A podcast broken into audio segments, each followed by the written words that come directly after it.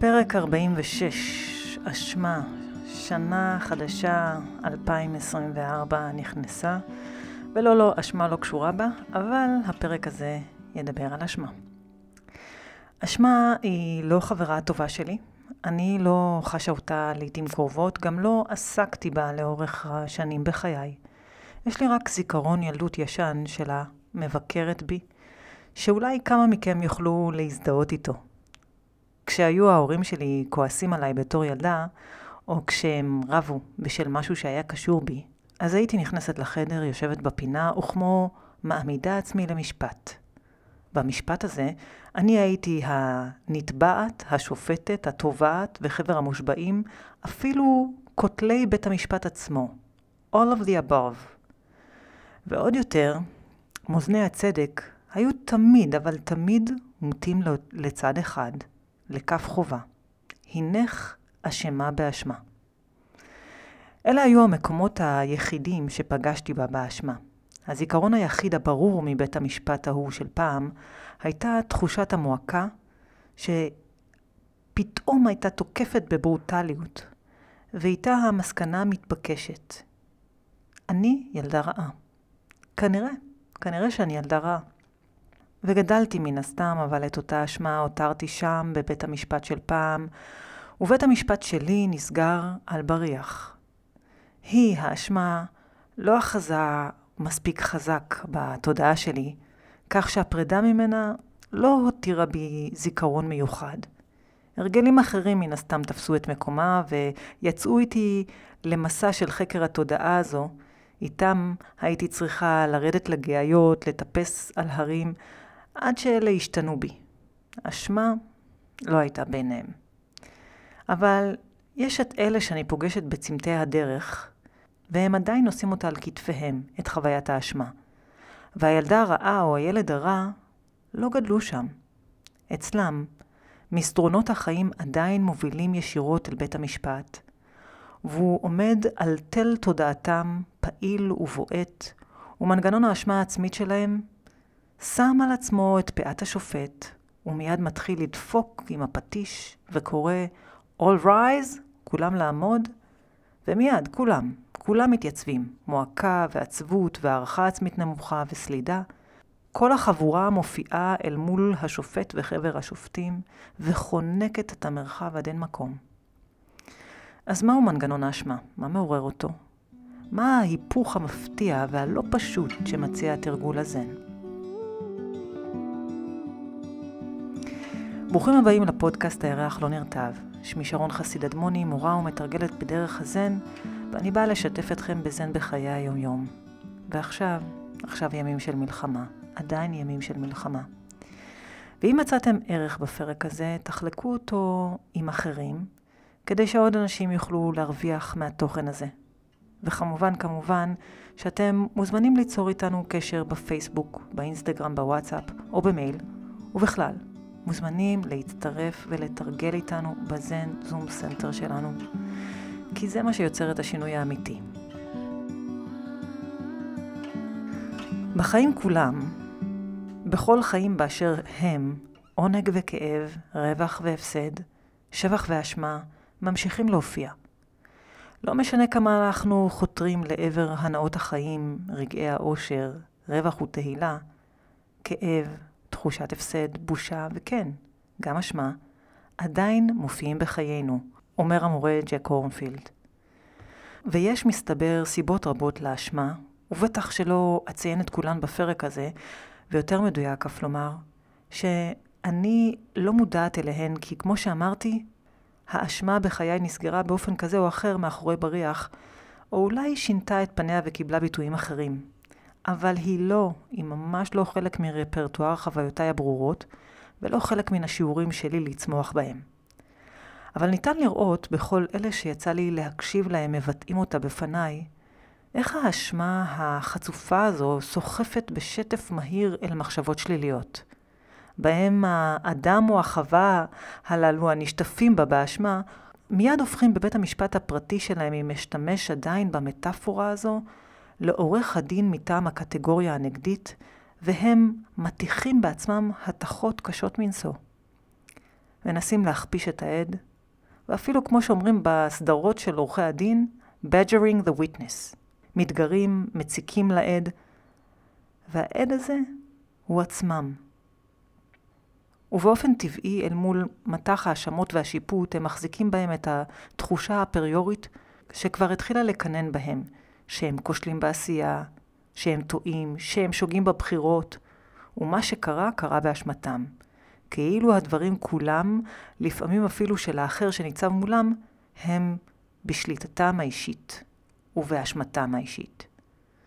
כאילו אותה תודעה לוקחת על עצמה את האחר, את התוצאות של מילותיו ומעשיו, את הכאבים והשריטות שהוא מפיץ לכל עבר כשכואב לו. והתודעה שנוטה לאשמה קופצת מיד ואומרת, אני. אני אתקן, אני אסחב את הכאב, אני אשמה. אני אשמה כי... ויש לה שק שלם של סיבות מתאימות. ובכל פעם באופן מפתיע, היא תשלוף סיבה. מתאמצת בקפידה להתאים אותה בדיוק מופלא לסיטואציה. שבסופה היא תקום ותכריז שוב בקול גדול, הבנתם כבר שאני אשמה? כי אני לא ראויה, כי אני דחויה, כי מישהו פעם אמר, חזר והזכיר בפניי שאני לא שווה, לא טובה ובעיקר לא. ומאז אני נושאת את הלא הזה, לא במודע. וגם אם במודע, אני לא מצליחה לשחרר. אז הנני, ואני אשמה. וזה כואב, אבל אני לא יודעת איך לצאת מזה. אז אני ממשיכה. כוחו של הרגל. וגם כשאחר שניצב באותה סיטואציה, מנסה לרגע להחזיר אליו את השיעור האישי שלו ולקחת את האחריות על הסיטואציה, הוא מסביר לה, זה לא את, זה אני, התודעה הלכודה באשמה מיד תתנדב ותציע, אפשר להחזיק במקומך עליי, אני רגילה כבר. ולפעמים הלז יסרב לה ויאמר, תעזבי, אמרתי לך, זה שלי. אבל היא תעמוד שם ליד, למורת רוחו של האחר, ותחזיק שלט. גם אני אשמה. ושעה שהיא חוזרת ומכריזה, חוזרת ואוחזת, היא נשרפת בלבה של השנאה העצמית שהיא חשה כלפי עצמה. שנאה שהולכת ומתגברת בה. עומדת שם ומוקיעה את עצמה שוב ושוב, מרשיעה ואין חנינה. גם לא שליש על התנהגות טובה, כי בעיניה היא אשמה, וכל התנהגות טובה מתגמדת, והשיפוט העצמי הולך ומתגבר בחרטה ומרירות וכאב.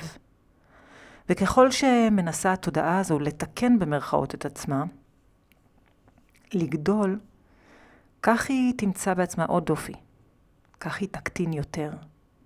כי הרצון הזה לתקן רואה בעצמה פגומה, לקויה, טעונה שיפור, והתיקון לא משחרר מן הפגם, אלא הולך איתו יד ביד בתודעה החושבת תיקון ופגם.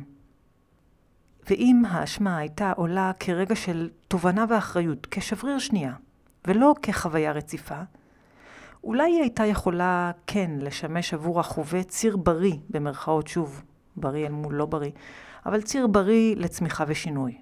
אבל כשהיא מוזרקת אל התודעה במנת יתר, היא הופכת לאיום על התודעה הבריאה ולרווחתו של האדם.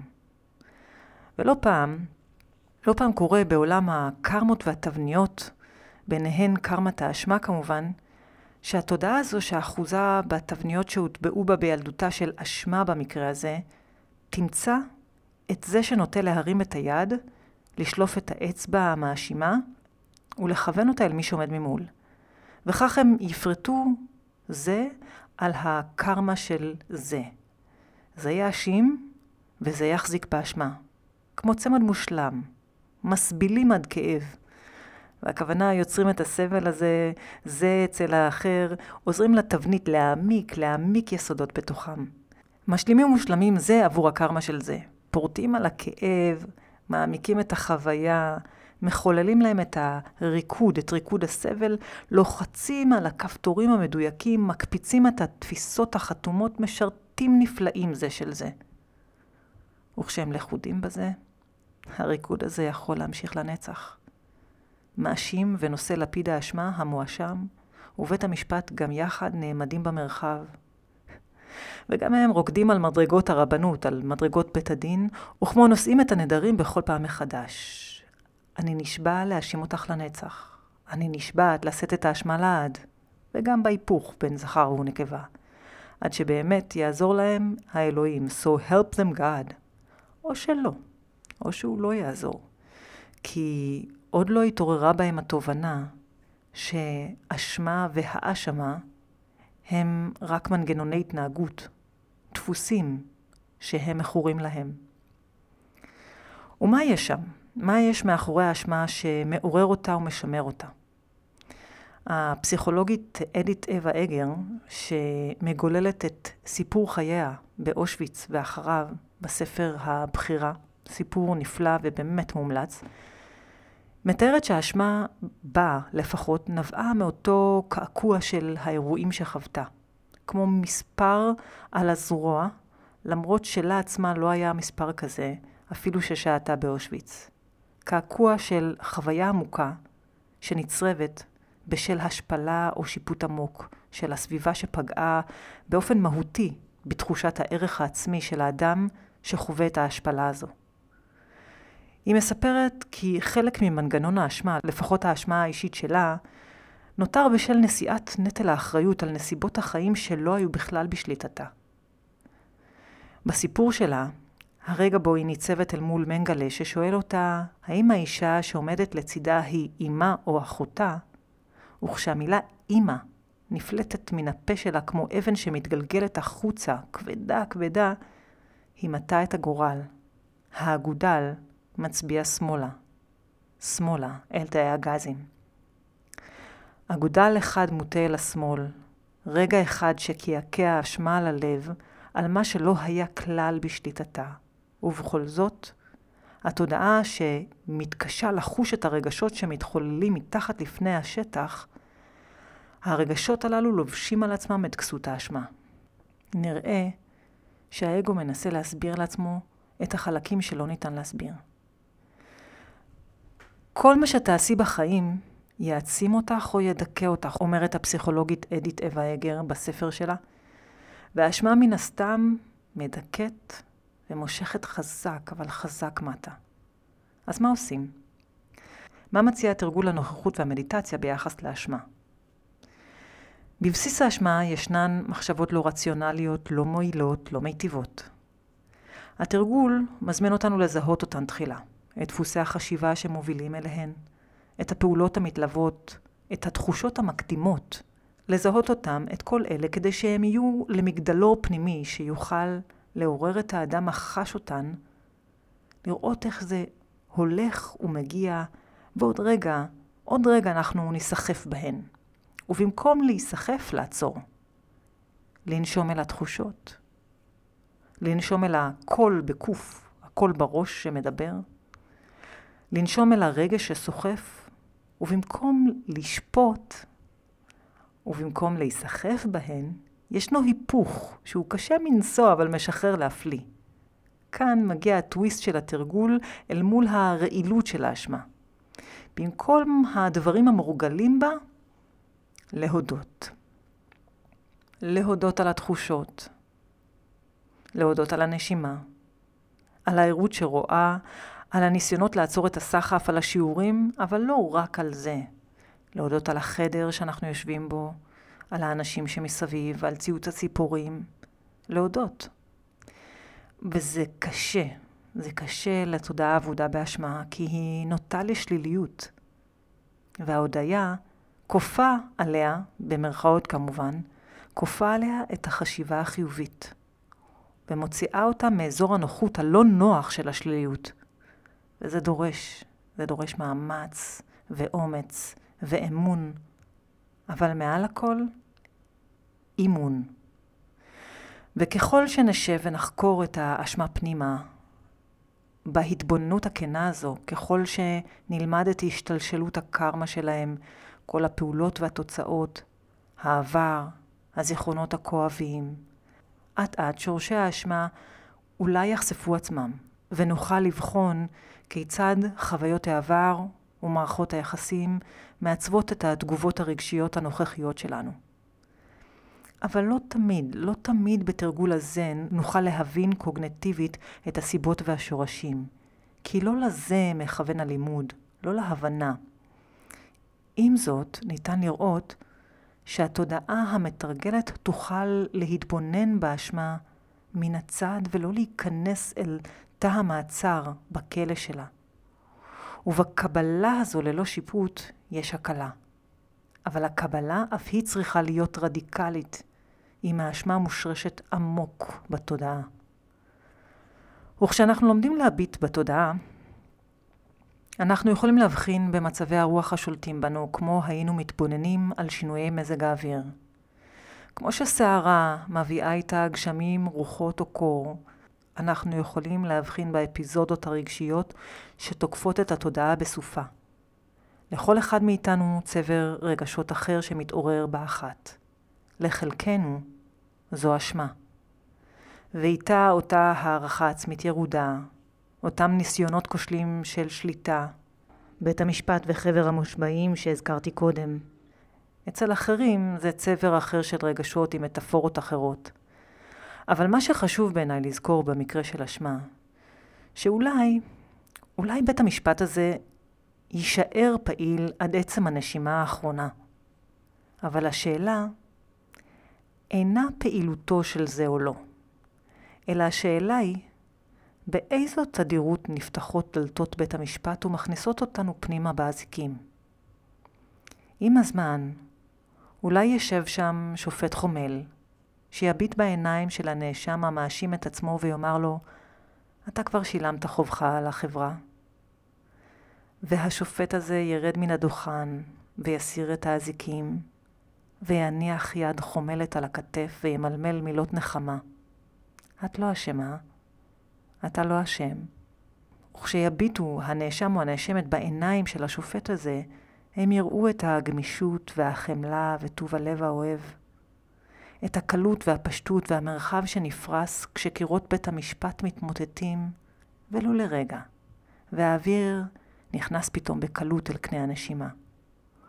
ובבת אחת, בבת אחת נעלם השופט ובית המשפט, אבל גם הנאשם והנאשמת. אל המבט שרואה עוגה שלא טפחה מונחת על השולחן ויצחק. או רואה את כאבו של הילד שהוא לא יכול לעזור לו, ומחשבות ההרגל של אשמה, אני לא מספיק טוב, או סבלו של בני הוא בגללי, באשמתי, פתאום יישמעו כהד רחוק, לא מאיים. גם לא התמצקו לכדי קרח על הלב, אלא בחום הרכות החומלת הזו, שלרגע הגיעה, יתאדו אל המרחב ויעלמו אל האוויר.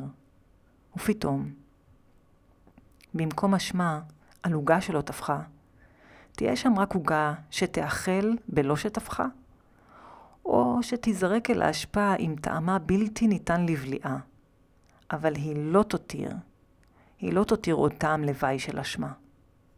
וכאבו של הילד יישאר כאבו של הילד, שלא יצטרך עכשיו לשאת על עצמו את כובד האשמה של ההורה נושא האשמה. אלא במקום זה הוא יפגוש עיניים חומלות ולב אוהב שייתן לו, ייתן לו מרחב להתקיים ולגדול. אז אני מקווה שהפרק הזה על אשמה נגע ופרט בכם, ואם יש לכם תובנות או מחשבות בנוגע לאשמה שהייתם רוצים לשתף אותי בהן, על מנת שאוכל להרחיב את היריעה ואת ההתבוננות של הזן, אה, דרך הדברים שאתם משתפים, אתם מוזמנים לכתוב לנו.